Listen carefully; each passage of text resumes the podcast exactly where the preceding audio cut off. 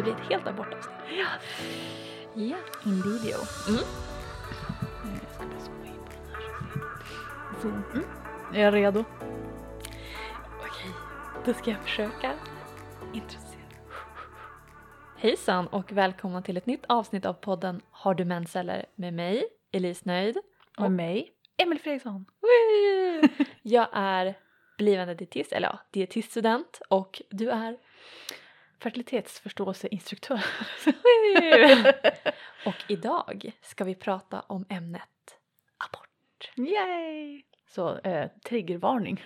Ja, det kan vi jo, säga. det blir Är det det. här eh, inget som du är bekväm att lyssna på så kan vi ta något annat gång. avsnitt. Ja, precis. Så det är bara om du som lyssnar som känner dig liksom trygg att ah, men jag vill veta mer om det här. Eh, vi har valt att prata om abort just för att jag känner att världen är fucked. Okej?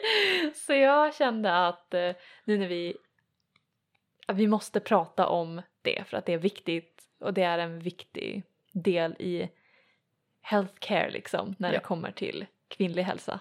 Vilket är vad vi snackar om. Så Ja, exakt. Det känns ytterst relevant med tanke Mm. på ämnet som Allt. vi tar upp i den här podden. Ja, precis.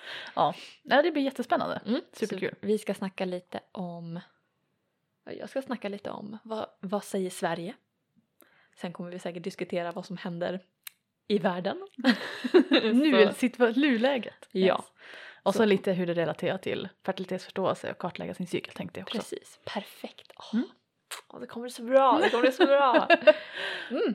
Men ehm, först, hur är läget med dig? Ja, det är jättebra faktiskt. Ehm, jag har skolan kört igång. Jag känner mig on top of my game. Jag känner mig utvilad. Jag känner mig fokuserad. Det här är ju dock bara typ tredje veckan så jag ska... Vi återkommer om typ... Och jag höll på att säga åtta veckor men jag återkommer ett tag. Men jag mår jättebra. Och, eh, Cykeldag. jag är på... Vänta jag måste dubbelkolla. Det tas intensivt upp, Read Your Body-appen som vi fortsatt rekommenderar till alla. Eh, hashtag not sponsored. I wish. jag ser att de ska komma ut, eller du är ju betatestare, eller Ja. vad man nu säger. Ja. Så du har ju den nya versionen av Read Your Body och för ni som inte har Read Your Body eh, you've been sleeping on it. Nej, Ja. men, Nej men det är Det en är eh, nice. jättebra kartläggningsapp om man vill kartlägga sin menscykel. Eh, det man behöver inte göra det, man kan lägga det på vilken nivå man vill så att säga. mm. Men eh, det finns liksom alla möjligheter där och de släppte en ny, ett nytt utseende. Men man kan testa en än. cykel gratis också. ja, de har inte släppt ny, Nej. nya utseendet än. Men det kommer snart bara- tror jag. Mm. Ja, så jag är jättetaggad på att åh, fräscha upp det här lite. Men jag är i alla fall på cykeldag 22 och har jag kan inte bekräfta ägglossning idag men troligtvis imorgon. Så jag känner bara, ah, du vet, eh, sekretet har torkat upp. Så att idag hade, alltså det gick verkligen från bara forsa, bara swoosh, glid eh, deluxe till att bara nej, nu har vi inget mer. Klart. Ja, men det är ändå alltså tydligt super, super lite så här äggvita, så jag har ändå liksom markerat det. Det är liksom sån tydligt, sån tydligt tecken. Ja det är skönt när man verkligen nice. känner att den där vågen är hög och abrupt. Så Mm. att det inte känns Ja. så här, oj tog det slut nu, vilken dag tog det slut? Så här. Ja. Nej, verkligen. Så jag är, och det här blir cykel nummer sex tror jag, som jag har ägglossning mellan dag 18 och 22. Alltså Kan vi bara... Tack, tack, tack så mycket. Åh. Jag trodde aldrig jag skulle komma hit. Nej. nej, men på riktigt så himla bra. Ja, Kul. jag, eh, alltså det är helt sjukt, helt sjukt efter att ha haft oregelbundna cykler så länge. Så uppskattar jag varenda cykel som jag tar. Vad Mm. kul! Jag dricker mer kaffe nu än någonsin. jag tänker att vi ska, jag vill definitivt prata om det i ett kommande avsnitt. Mycket bra. Eh, jag är på cykeldag åtta. Mm. Så jag har precis tagit mig ur mensen. Mm. Det var lite så här, ja, alltså jag, jag har ju fortfarande min teori om att jag har, jag typ har ägglossning från varannan ägg, eh, äggstock. ah, För Mm. de är liksom så här de är lite olika och det är verkligen varannan cykel hela tiden. Och jag fattar inte vad det annars ska kunna vara. Ja. Alltså det är så här, mensen Vad är lite kortare och så nästa mens är lite längre och så lite kortare och så lite längre. Okej. Och sen så också typ ägglossningen är lite kortare eller lite tidigare eller lite senare. Och så håller det på så här. Och jag har mer PMS och sådana symptom i den ena cykeln också och mindre i den andra. Okej. Och det är Fan typ, vad kul. jag vet inte vad det är. det är ytterst ovetenskapligt eh, men i alla fall en Observation. Mm. Exakt. Eh, nej men så det har precis varit slutat med spotting och sånt. Men jag är på cykel 58 nu. Wow. Kartlagt. Lite wow, coolt. wow, wow. Eh, ja, och den förra var jättetrevlig. Alltså det var så här. Ja, det var, det var precis sådär textbook. Det var mysigt. Åh. Typ inga PMS och jobbiga symptom och, Oh, och så nice. här enkel och bekräfta ägglossningen och allting. Mm. Även fast jag inte hade en enda temp för heja Billings. Ehm, men den här cykeln har jag bestämt mig för att jag ska tempa. För Mm. att det, jag saknar mina fina grafer. Alltså Mm. det blir så, det blir så alltså datasamlarhjärnan bara, oh, wow. Klart doktorn, biologidoktorn bara åh, grafer, åh. Alltså jag är typ inte många eh, sekunder från att importera allt mitt cykeldata någonsin in i mitt statistikprogram som jag använder på jobbet och typ gör några coola grafer. ja det vore kul. Du, att du inte har gjort typ något sånt och så gör det typ till en tavla eller någonting. Så kan du hänga upp den här på väggen, wow. Typ. Mitt andra idé är ju att jag tänkte att jag skulle sticka en temperatur, folk har kanske sett, jag vet inte om det här är jättenördigt ingen har hört talas om det här, men folk gör temperatur blankets eller alltså filtar Mm. eh, så här på varje temperatur för dagen och så ett helt år. Så man har olika färger för olika temperaturer så Mm. blir det liksom en fin gradient från så här blått till rött och kanske för rött på varmt och kallt. För, Mm. så jag tänkte att jag skulle göra en sån filt eller halsduk eller någonting fast med mina menscykler. Mm. Så, så här, ha olika färger för olika sekrettyper och så hur det förändras över ett år. Oh. Det hade ju varit alltså konst. Nördigt deluxe. Ja, jag vet. Kör. Ja, jag, jag, jag hintade om den idén på min Instagram för typ hundra år sedan. Mm. Eh, det har inte blivit av än men det, den, den idén finns kvar. Den är kvar. Det kommer ske någon gång. Mm. Jag kan inte garantera. Ja, du har ju 50, vad var det, 52 cykler Ja, som du har att ta ifrån så Exakt. du har ju material för en filt i alla fall. yes. Mm. Nej, så det är kul. Man kan göra mycket roliga saker om man vill. Yes. Men till, eh, Ska vi köra? vi kör. Till Dagens ämne. yes, abort. Abort.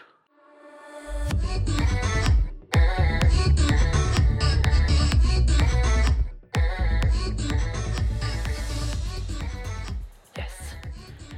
Så viktigt och intressant och spännande ämne. Ja, och eh, väldigt, väldigt tabubelagt.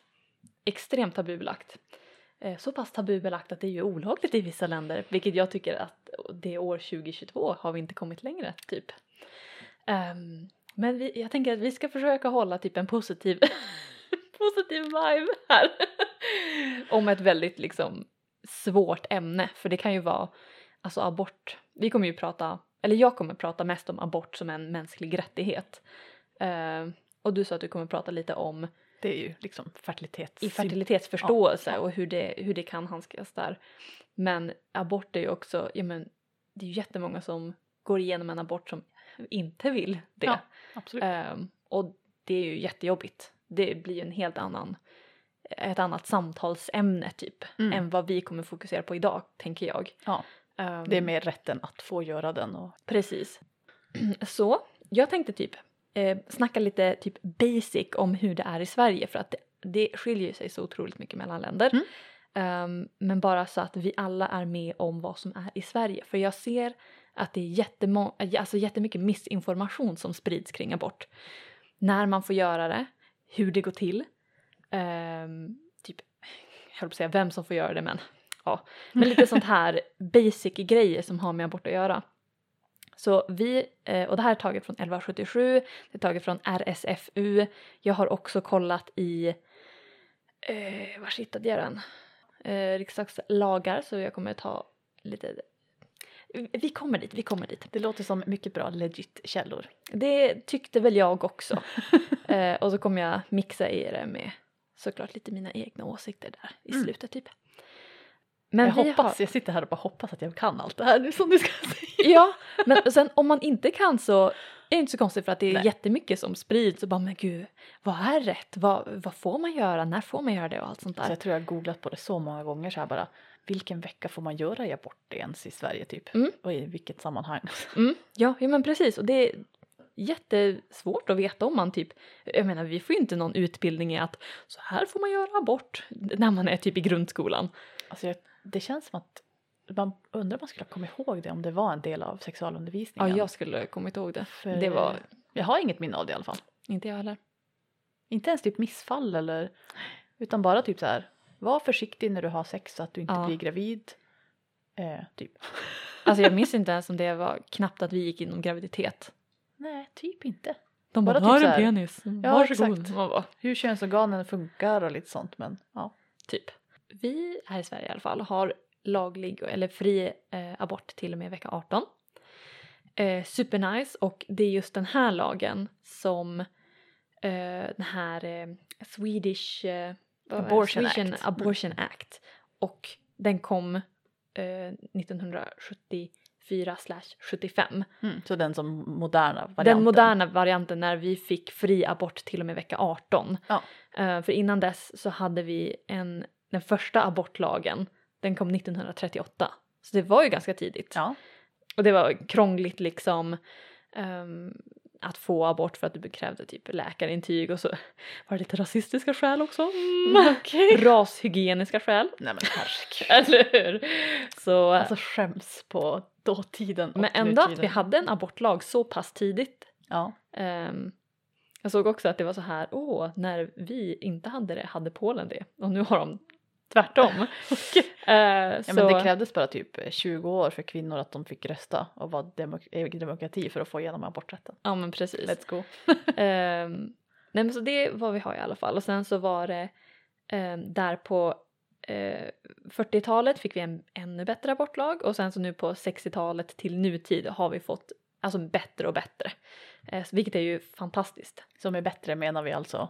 Alltså Eh, Eller är mindre mer krångligt. tillgänglig, mer tillgänglig. mer tid. Precis. Ja. Eh, mindre risk för osäkra aborter Ja. blir det. Ehm, och vad som blir nu efter vecka 18 det är att då krävs det ett särskilt tillstånd. Så här, tillstånd av rättsliga rådet vid Socialstyrelsen. Och då måste det finnas särskilda skäl till aborten. Eh, och jag kan dels tänka mig att det är för att ja men ett foster alltså det klarar ju inte sig utanför livmodern. Eh, Socialstyrelsen får inte ge tillstånd till abort om fostret kan överleva utanför den gravidas kropp. Därför räknas hela 21 veckor och 6 dagar in i graviditeten som sista dagen för abort. Ja, nej men så det, och det tycker jag är väldigt viktigt att eh, ja men för det är många som tror att åh, du får bara göra abort här som hipp som happ Ja. och så är det ett liv. Medans, jag vet inte om ni som lyssnar kanske har redan listat ut min tanke kring abort då. Men det är ju, alltså ett foster klarar sig inte utanför livmodern förrän, ja men 21 hela veckor. Mm. Det är liksom, så in, innan dess ser jag ingen, alltså det, jag ser det ju som en del av kvinnokroppen. Mm. Det är inte en egen liksom, en egen varelse om man säger så. Mm. Och så tycker jag det är så viktigt att även om man tycker det, även om man liksom tycker att fostret på något sätt har självbestämmande eller liksom är ett liv och bla bla bla. Mm. Jag menar inte bla bla bla, är ett liv. Ja. så, så är det ändå, så får man aldrig ändå inskränka på en annan människas, människas självbestämmande över sin egen kropp. Precis, Så precis. även om man tycker det, alltså att Mm. ett, ett 20 veckors eh, foster är liksom en hel människa Mm. ehm, så hjälper det liksom ändå inte för att den, man kan liksom ändå inte säga du måste rädda mitt liv genom att fortsätta bära mig liksom. Precis, precis. Och det är det som jag tror många blandar ihop att menar, skulle det här vara typ om en, om en man helt plötsligt skulle bara nej men jag vill inte. Nej men då är det som att det, det respekteras men så fort det är kvinnokroppen då är det som att folk tycker att nej men jag kan ju bestämma. Jag Ja. som utomstående kan bestämma vad du som kvinna ska göra med din kropp. Och det, Det, känns där. som att det finns ju ändå sociala eller kulturella liksom saker som ha, handlar om att Precis. nyttja kvinnokroppen på olika sätt. Ja. Ehm, Mycket. ja. Typ hela he- mänsklighetens historia. Men... Typ. Nej men jag tycker att det är ett jätteintressant den, den delen av liksom, vad ska man då kalla det för så här eh, att man ska få välja abort själv eller att man Mm. ska liksom, nu om man nu kan kalla det pro-life eller någonting, andra sidan av argumentet är ju att eh, det spelar alla de här andra argumenten om när livet börjar och när foster kan Mm. överleva och allt vad det är. Ingen av dem spelar ju egentligen någon roll. För det Nej, kommer men ju ändå alltid bara ner till självbestämmandet över Ja. en, en individs Mm. egna kropp liksom. Vilket är någonting jag kommer eh, gå in på sen också. Mm. Eh, eller jag kan, vi kan ju köra det nu. Eh, bara för att enligt lag, det är säkert jättemånga som har hört det här, men enligt lag, du får inte ta, om du dör och du har ett fullt friskt organ så får inte människor ta ditt organ utan att du har uttryckt att du är okej med det. Mm. Även om du är död. Ja. Det är det som är himla, alltså så konstigt de har diskuterat, alltså jämför det här. Mm. För att jag menar, om vi säger, Det är ju en livsräddande eh, åtgärd också. ja precis som kan rädda någon typ. annans liv så vi kan ju nästan, alltså för, for the sake liksom så jämför vi dem. Mm. Att om jag donerar mitt hjärta så kommer jag rädda ett liv. Men de kan inte göra det för att jag har sagt nej. Nej. om och jag till har och med om man är osäker så får, gör man det inte. Nej precis. Jag läste till och med i den här lagen att om det, vi har en eh, vuxen som har eh, ja, men, till exempel grov eh, funktionsnedsättning så att de har aldrig kunnat förstå vad donation av organ innebär. Eh, då, då tar de inget. Nej. Då får de inte. För då kan man inte ge Då kan man Vad inte heter ge det? sitt consent. ja, så eh, Nej men det är alltså, jag tycker att det är en superrimlig jämförelse ja. faktiskt. Jag tycker många glömmer bort den, att de glömmer bort att ja men min rättighet som människa måste gå före den andras person när det kommer till typ vårdgrejer. Alltså man kan inte bara, alltså det blir etiskt fel att man ska bedöma ett liv över dess andra. Mm. Det, det funkar inte. Mm. Man kan inte tvinga någon annan till att offra sitt liv för någon annan. Det, det är ju helt bonkers liksom. Så jag tycker det är en väldigt viktig grej så att även om man tycker att, ja men som du säger, vilket jag tycker var jätteviktigt, jag är väldigt dålig på att ha den tanken i huvudet. För att jag tycker att det är en mänsklig rättighet och jag tycker det här är inget att snacka om egentligen. Mm. Eh, men just för att om man liksom anser det ett liv, vilket är helt okej. Ja. Det är man ju- kanske liksom- Of course, vi, alltså alla tycker olika. Mm. Men man det- kan tycka att liksom liv uppstår vid, vid eh, befruktning. Precis, alltså så här, precis. Det är alltså det, det Kör beror på hur man definierar liv och allt möjligt så här. Ja men precis. Det handlar liksom inte bara heller om vetenskapliga grejer hit och dit Nej. utan jag köper att man kan ha olika tro om Mm. för det är en ganska diffust koncept typ när liv Verkligen, startar. verkligen. Jag menar de vet ju inte ens om virus lever eller inte. Nej, så, för det är så här, bara, I hur mean, definierar vi det? Ja. Mm. ja, men det är som du säger att det, det, alltså det är irrelevant nästan. Ja. För att det blir den andra, alltså eget bestämmande. Ja. ja men precis. Och det jag tycker var nice också, det är att eh, enligt RSFU så har alla rätt till abort i Sverige. Så även eh, asylsökande och papperslösa. Mm. Så då blir det dock att eh, ja, men, även utländska kvinnor eh, har rätt till abort i Sverige. Eh, och då blir det att kvinnan själv bekostar aborten. Eh, eller hemlandet. Mm. Men Det jag tycker fint. det är fantastiskt, alltså fantastiskt att man kan komma som vem som helst Ja. och söka abort i Sverige. Fantastiskt. Och det är det enda liksom att pengar, jag förstår varför det blir Ja. barriären då. vi Men har betalat för vården med våra skattepengar bla bla. Mm. ja. Så ja, jag tycker det är en jätte, jätte viktig grej också att ha. Att liksom, det är någonting jag tycker vi bör skydda Ja. här i Sverige, vår aborträtt. Ja. ja, verkligen. Jag vet inte om du kommer ta upp det. men, Ja men men jag tänkte bara på den här grejen med svenska abortlag. Eh, Mm. Den svenska abortlagen är lite unik för många andra länder om jag förstått det rätt har liksom en, en specifik vecka typ som det står i deras lag att abort är bara tillåtet till här veckan. Mm. Och i svensk abortlag så står det ingen, om jag har förstått det rätt då, ingen specifik vecka uttryckligen utan det handlar om det här när det är ett, ett, ett liv som kan leva utanför magen Precis. som står i lagtexten. Mm. Och då, då flyttas ju den gränsen längre och längre ner hela tiden ju mer medicinska Mm. grejer vi gör. Alltså Ja. här, ett, ett, ett foster på vad nu var det så i vecka 21. Ja. Det kunde ju inte överleva för typ 50 år sedan Nej, eh, men utanför precis. livmodern men det kan det nu.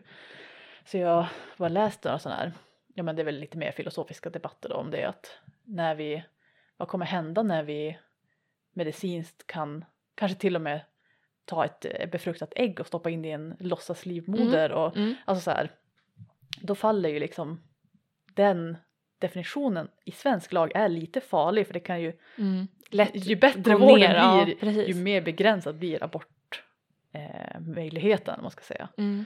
Så det är ju en del som menar att ah, men det spelar ingen roll än, man behöver inte göra något än åt det men, eh, men det kan ju bli en verklighet ändå att man kanske Mm. borde faktiskt sätta en, ett specifik vecka eller någonting. Mm. Ja, Jaha. det är lite spännande. Det är väldigt spännande, väldigt eh, filosofiskt eh, intressant. Ja, Tankeväckande. ja jag tycker det. Ehm, och, eh, vad jag glömde säga med det här särskilda tillståndet som man kan få efter vecka 18. Mm. Eh, vad de har skrivit upp här det är ett ja, men exempel på skäl kan vara att du har problem med alkohol eller droger, att du mår psykiskt dåligt eller att fostret har någon skada eller missbildning och ålder kan också vara ett särskilt skäl. Mm. Jag tycker det är alltså väldigt rimliga grejer. Men det kan ju vara, det kan ju handla om ekonomi också. Ja. Du har inte råd. Alltså Ja. det, det funkar inte. Ja. Ehm, Och jag, tycker, jag vet inte, jag tycker den är farlig på något sätt den här idén om att man måste, alltså jag förstår det så här att nu har vi den här gränsen och efter den gränsen så ställer man frågor och vill ha en precis, nog precis. legit anledning för att det blir Ja. en så stor, så stort ingrepp typ.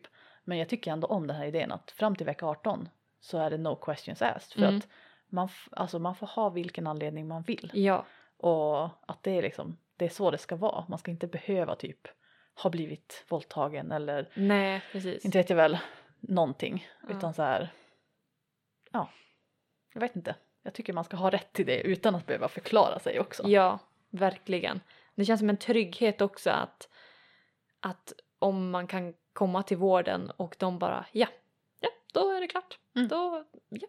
Man behöver inte, sen Alltså- vet jag inte om det alltid är så för alla men nej, alltså man kan ju hoppas men då blir det ju mer individ, Ja. alltså individuellt från läkare till läkare. ja, Och då, det kan man ju inte riktigt styra över på det sättet utan bara hoppas att alla läkare följer allmänna råd liksom. ja. Nej, Och inte är rövar typ. vi har så personliga åsikter om när man själv tycker att det är okej att göra en abort Mm. för sig själv såklart eh, men också det är klart att man kan tycka att det, det, det finns fel anledningar och rätt anledningar att få göra en abort typ Mm. men, eh, men jag tycker ändå aldrig att det ska påverka en lag på något sätt Nej. eller alltså liksom hur alla ska göra, styra hur alla ska göra Nej men precis. Det kan Hur du ju- själv, ja exakt ditt eget bestämmande. yes. Yes! Det är nästan som att vi börjar komma runt i cirklar.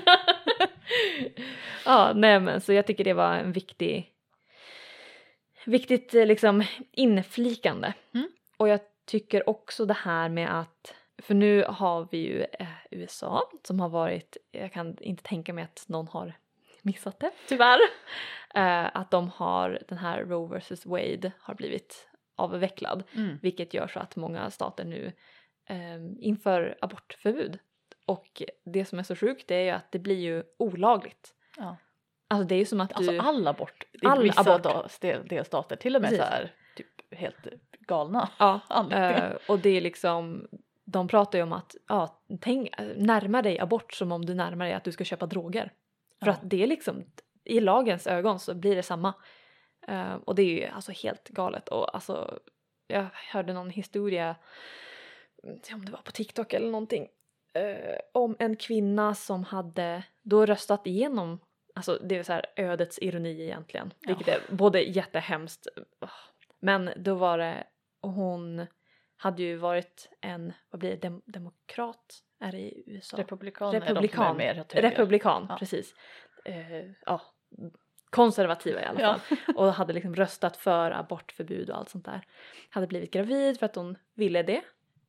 Go for it. Mm. Problemet blir ju att många, med, alltså många aborter görs i medicinskt syfte att antingen fostret kommer inte överleva. För att det har missbildningar, det har genetiska mutationer, det har alltså, eller att det är en fara för kvinnans liv. Att bär du det här barnet så dör antingen du eh, och barnet eller bara barnet eller du. Alltså det är liksom, det finns ingen ingen win-win situation där. Nej, det finns inget tillfälle då du kommer komma ut på andra sidan med ett levande barn. Nej, precis. Och det är jättemånga sådana och folk glömmer bort att det är en, jätte, alltså en vanlig procedur annars. Att nej men, barnet kommer inte överleva. Så, så enkelt är det. Alltså antingen, alltså det är oh, som sagt trigger warning. Ja. Men det är så här, antingen så föder du det här barnet och det lever i fyra timmar. Som hon, eh, just hon den här kvinnan berättade att eh, hon kunde inte få en medicinsk abort. Eh, barnet hade jätte, jättemycket missbildningar. Och då sa de att alltså, du kommer föda det här barnet, det kommer leva i fyra timmar och sen kommer det liksom kvävas. För att det har inte utvecklade lungor. Alltså helt jävla sjukt och hon fick inte aborträtt. Alltså trots att det står ändå i deras lag att vid specifika åkommor, typ att barnet inte kommer att överleva um, eller att det är en fara för moderns liv. Hon fick ändå inte alltså så hemskt. aborträtt. Nej, alltså så hon hamnar ju på ventilator på grund Ma- av komplikationer. mamman också. Mamman. Alltså man hör ju så mycket hemska historier Ja. nu, alltså jag blir så himla ledsen. Det är Ja, liksom alltså jag... små barn som blir våldtagna och inte får, alltså oj vi måste sätta fetaste trigger warning. Ja. Men alltså som blir våldtagna och sen inte får göra aborter och, eller kvinnor som dör för att de har liksom äh, ut, alltså sån här ektopisk äh, Precis. graviditet och, och så här. Och så blir det också, Och folk som har röstat fram det här i tanken om att det är pro-life. Jag fattar det inte. Alltså Nej. jag för... det, är verkligen så begreppet här är ju bara, Anti-choice och pro-choice ja är det ju. exakt, ja precis. Men alltså det är ju, alltså det är så många gånger som jag har typ, när det var som mest på TikTok, att jag Ja. bara stod i köket och typ grät för att Ja. jag bara, Nej jag fick lov att liksom sluta titta Ja. på det för det var så hemskt. Men det är ju som bara, alltså det är ju så synd att, att det finns sådana rörelser nu runt om i flera länder i världen. i Sverige också. Ja absolut.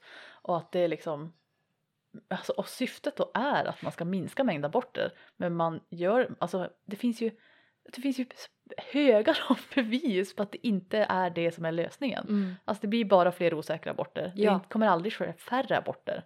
För kvinnor kommer alltid vilja göra aborter. Ja. det finns alltid legit anledningar Ja, att vilja göra det. verkligen. Och då är det så här bara, det är, då är det bara liksom ett, en attack mot kvinnor Ja. eller de som har livmoder. ja. Eh, Och inte liksom mot, alltså det är bara en attack mot deras rättigheter, Mm. inte absolut inte att typ rädda liv. Verkligen inte.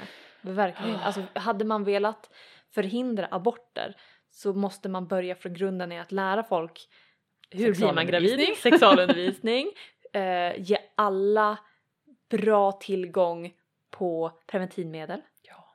eh, i olika former och Alla. utbildning kring preventivmedel. Vad gör de? Hur använder de dem på bästa sätt så att det är mest säkert? Och verkligen börja från grunden. Men det, alltså det är ju så många som Men det De- som följer ju med hela den här grejen också. Ja, men att helt då förbjuder vi abort och då ska vi helt plötsligt också, då är det dåligt att prata om sex också. Ja! Och så, Och så gör det preventivmedel också värre. dåligt. Ja, och jag förstår inte riktigt, alltså jag förstår inte den logiken för ja, det är väl dåligt att, eller det är dåligt men det är väl nästan omöjligt att säga att forskningen visar på det här för att de lyssnar inte till forskning. Nej. De lyssnar inte till vad som är bevisat att men hallå det är ju det här som minskar aborter. Ja, Inte det ni vill ha. Just saying liksom. Men Det är the woke agenda. Men det är som du säger, verkligen det här med att det blir ju en attack mot kvinnokropp, alltså livmoderbärare Ja, och kvinnor precis. och inte mot... Alltså det, det är bara Alltså- att, ett sätt att liksom begränsa rättigheterna för den delen av populationen. Ja, Och det tänker jag att det måste man veta. Alltså de som sitter och gör de här lagarna, är de verkligen så, så här bortfrånvända från verkligheten att de inte förstår det? Alltså jag kan inte... ja men jag, jag är så i chock när det kommer till så här högt uppsatta typ politiker och de kan ingenting. Alltså de Nej. kan absolut ingenting Nej. om någon typ av forskning. De bara drar fakta ur röven och bara här. Fakta. Ja, precis, fakta. Men de bara drar saker ur röven och sen så lyssnar folk till dem Ja. och bara ah, det måste vara så. Man bara nej, nej, snälla. Ja, nej, nej det, det, är lite, det är lite läskigt. Det är det absolut. Ja. Så, Men eh, en sak som alltså vi måste, som man inte, inte kan nämna är ju bara den här grejen också att när man begränsar abort så begränsar man det ju för de som sitter mest illa ställt också. ja, Så typ precis. i USA har man ju sett det jätteväl, det blir ju kanske väldigt tydligt där, de har ju stora klasskillnader och eh, vad ska man säga, ja men problem med eh, mellan svarta och vita till exempel och allt möjligt. Mm. Och då att det är så här, de som har pengar, de, de har råd att åka iväg och få en abort i en annan stat eller ett annat land eller någonting. Precis. Så det blir ju oftast då igen kvinnor av typ inte vita kvinnor Mm. och, eller alla som är liksom fattigare i samhället, det är de som också får mest problem. Ja. Och det är ju så här, nej, inte igen. Och så eller blir det mer. bara, ja men det blir typ en negativ spiral att de blir bara fattigare och fattigare för att de utsätts för mer sånt här som de, alltså, Ja, tvingas få barn som de inte kan ta hand om. Alltså du vet, det blir bara... ja, Eh, så det påverkar ju proportionerligt olika hårt på olika delar i samhället också. Ja. Ja. verkligen. Blä. Truly. Alltså, Ta inte våra rättigheter ifrån oss, vi vill nej. ha kvar dem. Eh, så eh, min lilla avslutande på min, jag säga min rant, men inte min rant men ehm, jag tycker att vi definitivt, för det har varit på tal nu kring valet, Mm. att rösta in aborträtten i grundlagen. Ja. Och det är ju, låter som en fantastisk idé tycker jag. ja. Nu har vi ju tyvärr en högerregering så man kan väl inte hoppas på mirakel. Nej. Nej, men- eh, Tyvärr har de ju inte låtit superabortpositiva, även fast en del Mm. har försökt ge sken av det så har vi åtminstone Vi har part, alltså vi har, nu ska man inte säga så, men vi har partier som aktivt arbetar emot aborträtt Ja. i typ EU och i Ja. Sverige också. Och det är ju inte på vänstra sidan. Nej, Så nej man Och får verkligen känns- tänka efter och se upp lite där. Alltså, ja, det, för jag tycker nu är det så här, ja men vi har fyra år med den här regeringen framöver. Vi vet inte vad som kommer hända på fyra år. Liksom kolla helt plötsligt i USA, de fick, nu är ju vår abort, alltså vår aborträtt på ett annat sätt. Det är inte bara en, en lag utan vi har ju liksom uppdaterat och mm. men man kan aldrig veta. Nej, Alltså helt alltså det finns ju inte så, stöd i Sverige för att ändra eller för att ta bort abort eller förbjuda abort på något sätt. Men, men det är ändå en, en, eh, en farlig ideologi att ens börja ja. åt det hållet. tänker jag. Verkligen. Och jag tycker i alla fall vi bör, oj, jag tycker vi bör eh, definitivt rösta in det i grundlagen så vi har alltså tryggheten som det skulle kunna ge Ja, ja men både alla kvinnor och flickor, alltså det är det Ja. som är så jävla vidrigt med hela den här diskussionen. mm. Att det drabbar inte bara kvinnor som väljer eller kvinnor, kvinnor som väljer att ha sex eller livmoderbärare som väljer att ha sex Mm. utan det drabbar otroligt många fler ja, vilket är så jävla hemskt ja. Och det är bara oh, nej Visst, eh, visst Eh. kan vi också rösta för att tandvården ska hamna i den vanliga vården när vi ändå håller på. det kan vi göra Får vi slut på den skiten också? Ehm, nej men bara för att skydda framtidens barn, framtidens generationer, Ja, framtidens liksom. det traumat. Ja, nej. Eh, och även skydda de som kommer till Sverige Mm. och behöver det. Ja, men exakt. Det, det är något, det känns som en, det är klart att det är en universell upplevelse för Mm. de som kan bli gravida. Att ibland vill man det och ibland blir, vill man inte det. Ja, och det ska vara, så ska det vara. Så ska det vara. Precis, man har egen rätt, Ja, men- självbestämmande rätt. Ja, precis. Mm. Ja, nej, nej, men när vi pratar om det där med preventivmedel och så också så som vi sa så är det ju liksom att utbilda folk i preventivmedel är ju Ja. vägen att Det gå. är ju mwah, guld. Yes. Och då pratar vi ju, som förhoppningsvis alla vet i den här podden, att vi är ju pro alla preventivmedel. Ja, Både hormonella och icke-hormonella. och men vi pratar mest om icke-hormonella.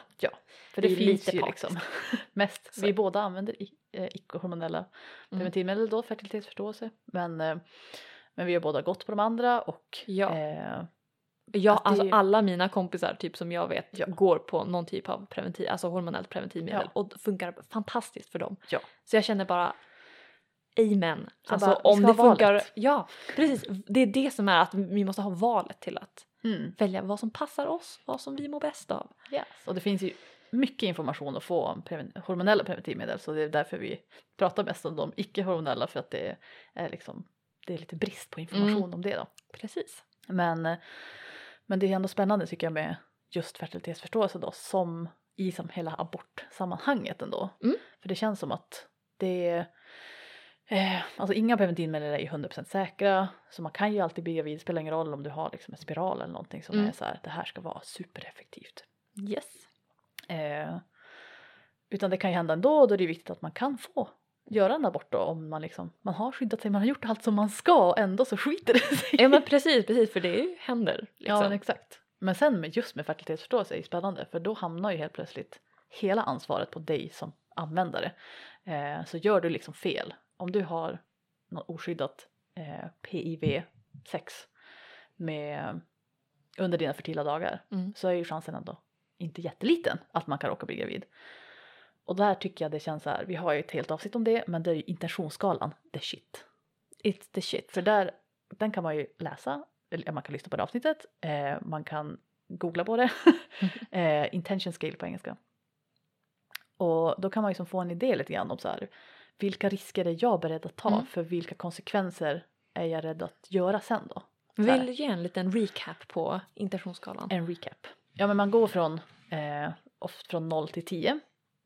Där eh, det är liksom på nollsidan är jag vill inte bli gravid och mot 10 är jag vill bli gravid. Mm. Och sen är det olika skalor då på hur, hur gärna man vill uppnå de här målen. Mm, mm. Ehm, så nu, så det är liksom ju närmare noll man är eh, då är man liksom så här, jag ska absolut inte bli gravid, jag, får inte, jag kommer inte bära ett barn liksom. Mm. Och då är man ju oftast också då eh, okej med att göra en abort till exempel för att det, det är liksom värt det för man av, det kan ju vara medicinska skäl eller vilken anledning man nu vill så man bara får inte bli gravid. Mm. Medan om man börjar krypa lite högre upp så hamnar man väl i där ja det är väl typ jag vill inte bli gravid men råkar jag bli det så är det väl kanske okej då Mm. typ någonstans. Jag tänker också, bara för att inflika min Mm. egen tanke, men typ om man är på noll att det kanske också kan vara att man verkligen inte vill göra abort. Ja, Att man bara, nej jag tänker inte bli gravid för att jag, om jag blir gravid så kan jag inte göra abort och jag vill inte, ja eller då, då gör jag inte abort. Och det måste man ju kunna ha som val också. absolut. Om det kan vara precis Det- att man är liksom noll på skalan i att man liksom man följer man är, har gjort allting så att man ska vara Mm. så, här hundra, alltså så, så nära hundra man kan komma med sin preventivmetod. Man kanske använder flera stycken eller du vet så här, man kör fertilitetsförståelse plus kopparspiral plus kondom. Alltså du vet man Mm. kan ju Man kan köra vilt. precis eller liksom äh, jätterestriktiv med vilken typ av sex man har när och sånt. Eh, så absolut, det kan man ha. Man behöver inte vara eh, okej med abort bara för att man är längst ner på skalan. Ehm, men det blir liksom, sen i mitten där är man lite så här, ja men man, man kanske har sex när som helst och man är okej med att bli gravid. Och sen så är det liksom försök aktivt bli gravid ju högre upp man kommer på skalan. Eh, och det betyder inte att man inte, bara för att man är högst upp på skalan heller inte kanske gör en abort för det beror ju på också tusen saker. Men den är i alla fall värd att titta på så att man liksom eh, har funderat med sin partner på så här, vilka, hur beter vi oss? Följer vi, följer våra beteenden det vad vi vill ha för utgång ska säga. Mm. Hur noggranna vill vi vara? Vilka risker är vi beredda att ta och sådär. Mm. Ehm, för är man till exempel sådär att man känner att abort, jag är inte okej med att göra abort så för mig själv. Jag vill inte göra det. Mm. Ehm, men man inte vill bli gravid. Då är det ju viktigt att man liksom använder ett väldigt säkert preventivmedel och man är väldigt noggrann och, Mm. och sådär. Ehm, och jag tänker att fertilitetsförståelse passar jättebra in där. Mm. Speciellt i kombination med kanske andra metoder. Mm. Men eh, det finns ju absolut folk som tar det lite för lättvindligt hela fertilitetsförståelse Mm. och liksom inte är så noggranna med sin kartläggning kanske blandar lite regler och hit och dit och så, så här och så blir man gravid och så bara fan Och de människorna ska också få göra abort som vi sa. ja. Men då kanske man inte har tänkt, alltså liksom har reflekterat jättemycket över den där intentionsskalan till exempel. mm. Ja. Eller så har man det och man bara ja ja, jag gör väl abort då. Ja, ja absolut. Och som du säger, då ska de få göra abort. Ja, exakt. Hela avsnittet är bara ja du ska få göra abort oavsett. Så här, too lazy, didn't listen, bara så här eh, you do you. ja, typ. Ja, nej men det är... Och jag tycker det är viktigt också att veta att... Ja men... Att det går att skydda sig mot graviditet även med en naturlig fertilitetsmetod. Mm. För det är ju... Jag tänker mycket med... Svensk vård är ju väldigt anti-naturlig Ja. preventivmetod. Och alltså jag förstår ju varför. För det är liksom... Det kan ju vara... Alltså det blir ju en större risk om man inte följer det till punkt och prickar. Ja. Typ. Ja. Ehm, Och det finns ju mindre forskning bakom, man, ja, man vet inte riktigt hur säkert det är i alla situationer som man vet med typ p-piller och p-stavar och allt sånt där. precis. Alltså det är ju mindre underbyggt, absolut. Inte för att det inte är liksom seriösa metoder men Nej. alltså forskning på hormonella preventivmedel är liksom jävla mycket grejer. Ja. Eh, för det är ju så massor med fler kvinnor som använder det och har använt det längre. Mm. Det är ju, det är ju bara rimligt. Mm. Ja men eller hur. Så jag tycker det är nice också att veta att ja men det finns sätt att skydda sig mot graviditet även om man inte vill vara på hormoner eller man, man mår inte bra av att vara på hormonella preventivmedel Mm. så finns det alternativ också. Ja, ja men exakt. Och en sak som jag har tänkt på som är så här, som i alla fall ger mig väldigt mycket lugn i själen är att eh, oberoende av vad man har för avsikt men kanske speciellt om man vill undvika graviditet och om man nu är i ett typ land där det är lite så här fishy om man Mm, får göra ja, det eller jo. inte så skulle jag liksom ändå så här rekommendera fertilitetsförståelse bara ur så här kroppskännedomsgrejen. Mm. Kanske inte så här, alltså jag skulle nog välja mer underbyggda dubbla upp metoder och grejer om det var liksom så här Ja jätterisky. precis. Men, eh, men just att så här, eh, till exempel nu i Texas som de hade fört in den här sex veckors gränsen. Sex veckors graviditet är ju typ, du har ju knappt missat din Alltså mens. det är ingenting. Ja, för du räknar ju från din, Jag tror jag läste på eh, om det är RSFU eller om det var oh gud, jag minns, någon av de där sidorna. Eh, det är så här procentuellt när abort sker mm, och typ nästan 80% av aborten sker ju mellan vecka 6 och vecka typ 11. ja, Så det är liksom, och det är ju precis där folk har fått veta att oh shit jag är gravid liksom. Och har fått tid för det och så Ja, det, alltså, det går jätte, jättesnabbt. Ja, nej men verkligen. Och det är ju som så här för att man, man räknar ju från sin förra mens första dag. Och så har det ju oftast gått då ish två veckor men kanske längre för de flesta egentligen. Ja. innan man har ägglossning och det är efter typ en vecka ish drygt där som det blir en implantering och man faktiskt är gravid. Ja. då man ens kan mäta att man är gravid. ja. Då har man ju redan då enligt typ vården då varit gravid i typ minst tre veckor Ja. innan man ens kan få ett positivt ägglossningstest. Det- Eller ett positivt graviditetstest. ja. Det är ju sjukt ändå. Jag känner Ja. att step up your game. Ja, nej men så har man liksom exakt fyra veckors cykel och du, du, du tar graviditetstestet på första missade mensdagen, Mm. då är du fyra veckor gravid då. Mm. Och då har du två veckor på dig att hinna bestämma dig, få en tid och allting. Och det är ju omöjligt. Och hur många har exakt så klockren cykel? Alltså det är ju så här. Ja, men därför vill man ha fertilitetsförståelse tänker jag. Mm. För då vet man när man är ägglossning. Och man vet, det spelar ingen roll om den är sen, alltså en lång cykel, Man kan bevisa att titta här, titta nu jag hade ägglossning där. Exakt. Så du kan ju aldrig liksom bli, du, kan, du vet ju alltid varför du har en lång cykel. Mm. Så du tror ju aldrig att du är gravid om du inte faktiskt är det. Mm. Eh, om du har helt plötsligt direkt om min lutealfas börjar vara en eller två dagar längre än den brukar vara. Då får jag fullständig panik. Eller hur? för, och för då vet man ju jävlat på dagen när Ja, man möjligen är gravid. mm. Och då kan man testa sig direkt. verkligen. Så jag tänker att det är liksom det är guld värt för att man kan få veta det fort som fan. Mm. Ändå. Mm. Ja.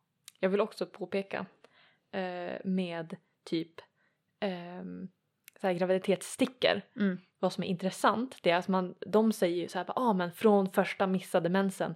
Men de räknar ju 14 dagar. Att alla har en lutealfas på Mm. 14 dagar. Jag tycker det är så här, för vissa har så här 10 dagar, Ja. 11 dagar, ja men då är det ändå liksom 4-5 dagar Ja. som helt plötsligt bara, nej du måste vänta. ja men alltså tänkt, det har jag typ inte ens tänkt på. Men tänk vad sjukt. Om man har en sen ägglossning. Mm. Och sen så, vi säger man har ägglossning på då dag eh, fyra veckor från sin första mensdag. Mm. Eller någonting. Och sen så har du en två veckors lutealfas. Mm.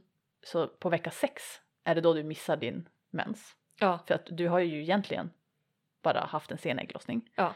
Men då är det ju sex veckor från din förra mens. Om det är det datumet du säger, då, tror du, då kommer de säga att du är gravid i vecka sex och då kanske du inte får en, en Nej. abort då. Men du faktiskt egentligen bara liksom haft ett befruktat ägg i dig i typ några dagar. ja, ja men eller hur? det, är, sk- alltså, det är ju galet! Ja, nej. Så jag tänker i alla fall att fertilitetsförstå- äh, fertilitetsförståelse är Mm. guld. Mycket guld. Även om man inte då använder det som sitt preventivmedel, bara för att ha koll på sin cykel. Ja, kroppskännedom och kunna flexa för läkaren lite. Det funkar ju såklart inte om man har hormonella preventivmedel och Nej. kartlägga sin cykel så här men om man använder typ någon annan barriärmetod eller någonting så kan man ju se det i alla fall. Mm. Very nice. Mm, mycket. Ja. Sen min sista punkt var bara det här med liksom fertilitetsförståelses väldigt religiösa konservativa bakgrund. Ah, hela okej. abortgrejen. Ja, ja, ja. ja. Jag tänkte som att det är lite, lite spännande på något sätt att vi kan använda en metod eller metoder med såna, en sån bakgrund liksom. Precis, för det bör... Inte alla fertilitetsförståelsemetoder idag dock. Men den forskning som ligger och liksom hela idén bakom känns ju som att den till mycket stor del i alla fall kommer från katolska kyrkan. Ja.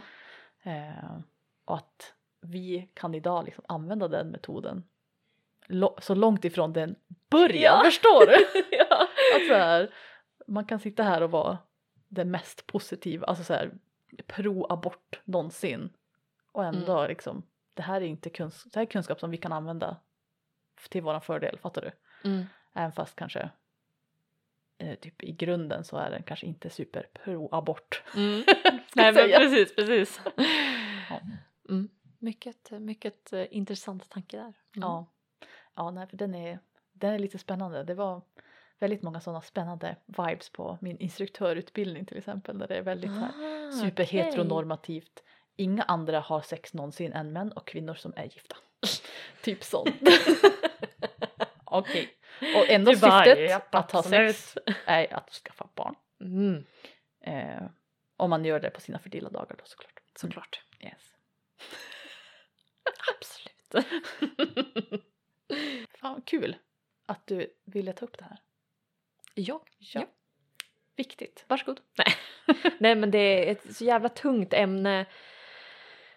Det är så här tabubelagt men jag tycker vi borde bara börja prata mer om det. För att det är Mm. så många som har gått igenom abort och så vågar de inte prata om det för sina vänner, för sin familj. Alltså det är så mycket skam över någonting som ändå i Sverige har varit en abortlag väl, alltså, länge. Ja. länge. Ehm, och det är så onödigt. Det är så mycket onödigt lidande och ja. Här, ja men som du säger tysthetskultur och att Ja. man inte kan eh, få dela, alltså så här få prata med någon annan kanske då som har gjort samma sak och ja. sånt där. För det är ju för många en ganska, eller en väldigt tuff upplevelse även fast man Ja, även fast man vill det Man vill- så kan det ju fortfarande vara jättejobbigt. liksom helt rätt Jättejobbigt. beslut att göra och man, är, man är, ångrar sig inte på något sätt men det Ja. är ändå liksom en kan vara jätte, både fysisk och mental knepig sak att göra. Väldigt. Ja, så det är liksom inte... Eh, Det förtjänas att tas upp mer och pratas om mer. Och pratas om... Och häs in i grundlagen. Ja. Och sen tänker jag så här, den här, jag tycker när det pratas så nämns det ofta så himla mycket om att ja, men kvinnor använder det bara som ett preventivmedel. Och som vi nämnde tidigare så tycker jag att man får göra abort av vilken anledning man vill. Precis.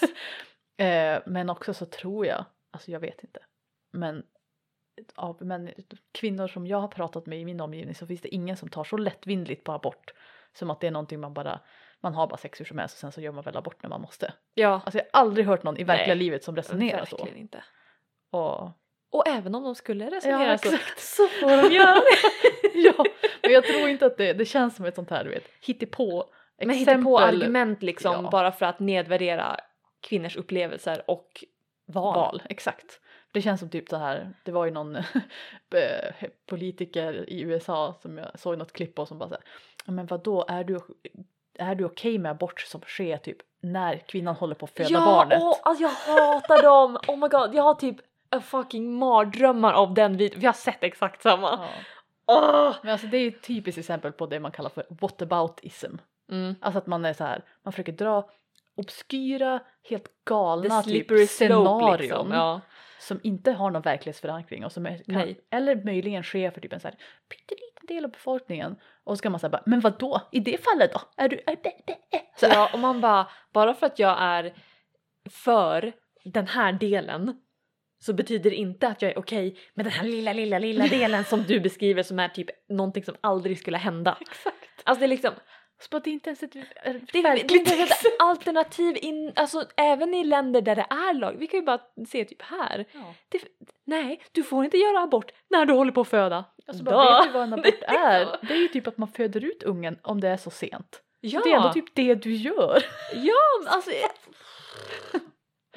fucking eh, hjärnblödning. Såna där alltså. Ja. Ja, nej, så att säga bara, mm, nej. Skydda aborträtten. Yeah. Let's Vi- do it. Ja. Och eh, slåss för aborträtten i andra länder också. Ja, exakt. För att det speciellt eftersom i EU så har vi lite rösträtt och vi kan försöka pusha länder och Ja, precis. Inte bara känna att... Eh, inte sitta lugnt i vår egen båt och bara typ glida vi har det bra förbi. här utan hjäl- vi, ska, vi ska hjälpas åt. Ja. Vi, är, vi är tillsammans allihopa. Mm, verkligen. Jag tänker att vi länkar lite resurser. Ja. Typ Mer Kvinna info. till kvinna, RSFU Mm. om man vill läsa på där. Eh, 1177 om abort. Också om vi hittar några eh, stötta abort Mm. Ja, jag kan också, vi kan lägga till en intentionsskala om man tyckte att den var kul. Precis. Och läsa mer om Mm. också. Absolut. Så hoppas att eh, du som lyssnar inte tyckte det här avsnittet var för tungt. För ja, vi vet att det kan vara det ibland. Ja, och känner ni att ni behöver någon att prata med så kan man alltid mejla oss. Ja, Ja, det är, vi, det är ett safe space. det är ett safe space. Ja, om verkligen. man vill dela någon upplevelse eller ställa någon fråga eller komma med tips på något annat ämne vi ska snacka om. Eller om ni tyckte att vi missade någon del. ja, För, alltså jag är ju alltid för eller att lära mig. missrepresenterade någonting. Eller vad som Ja, helst. precis. Bara skriv till oss. Jag är öppen för att lära mig, alltid. Absolut, Så det är liksom, och man kommer inte kunna lära sig om inte folk lär en. exakt. Ni kan kolla in våran Patreon också om ni vill stötta podden och vårat fortsätta, eh, våran fortsätta advocacy ja. för de här viktiga ämnena ändå. Ja. Mm. Och så hörs vi nästa gång. Puss och kram! Bye!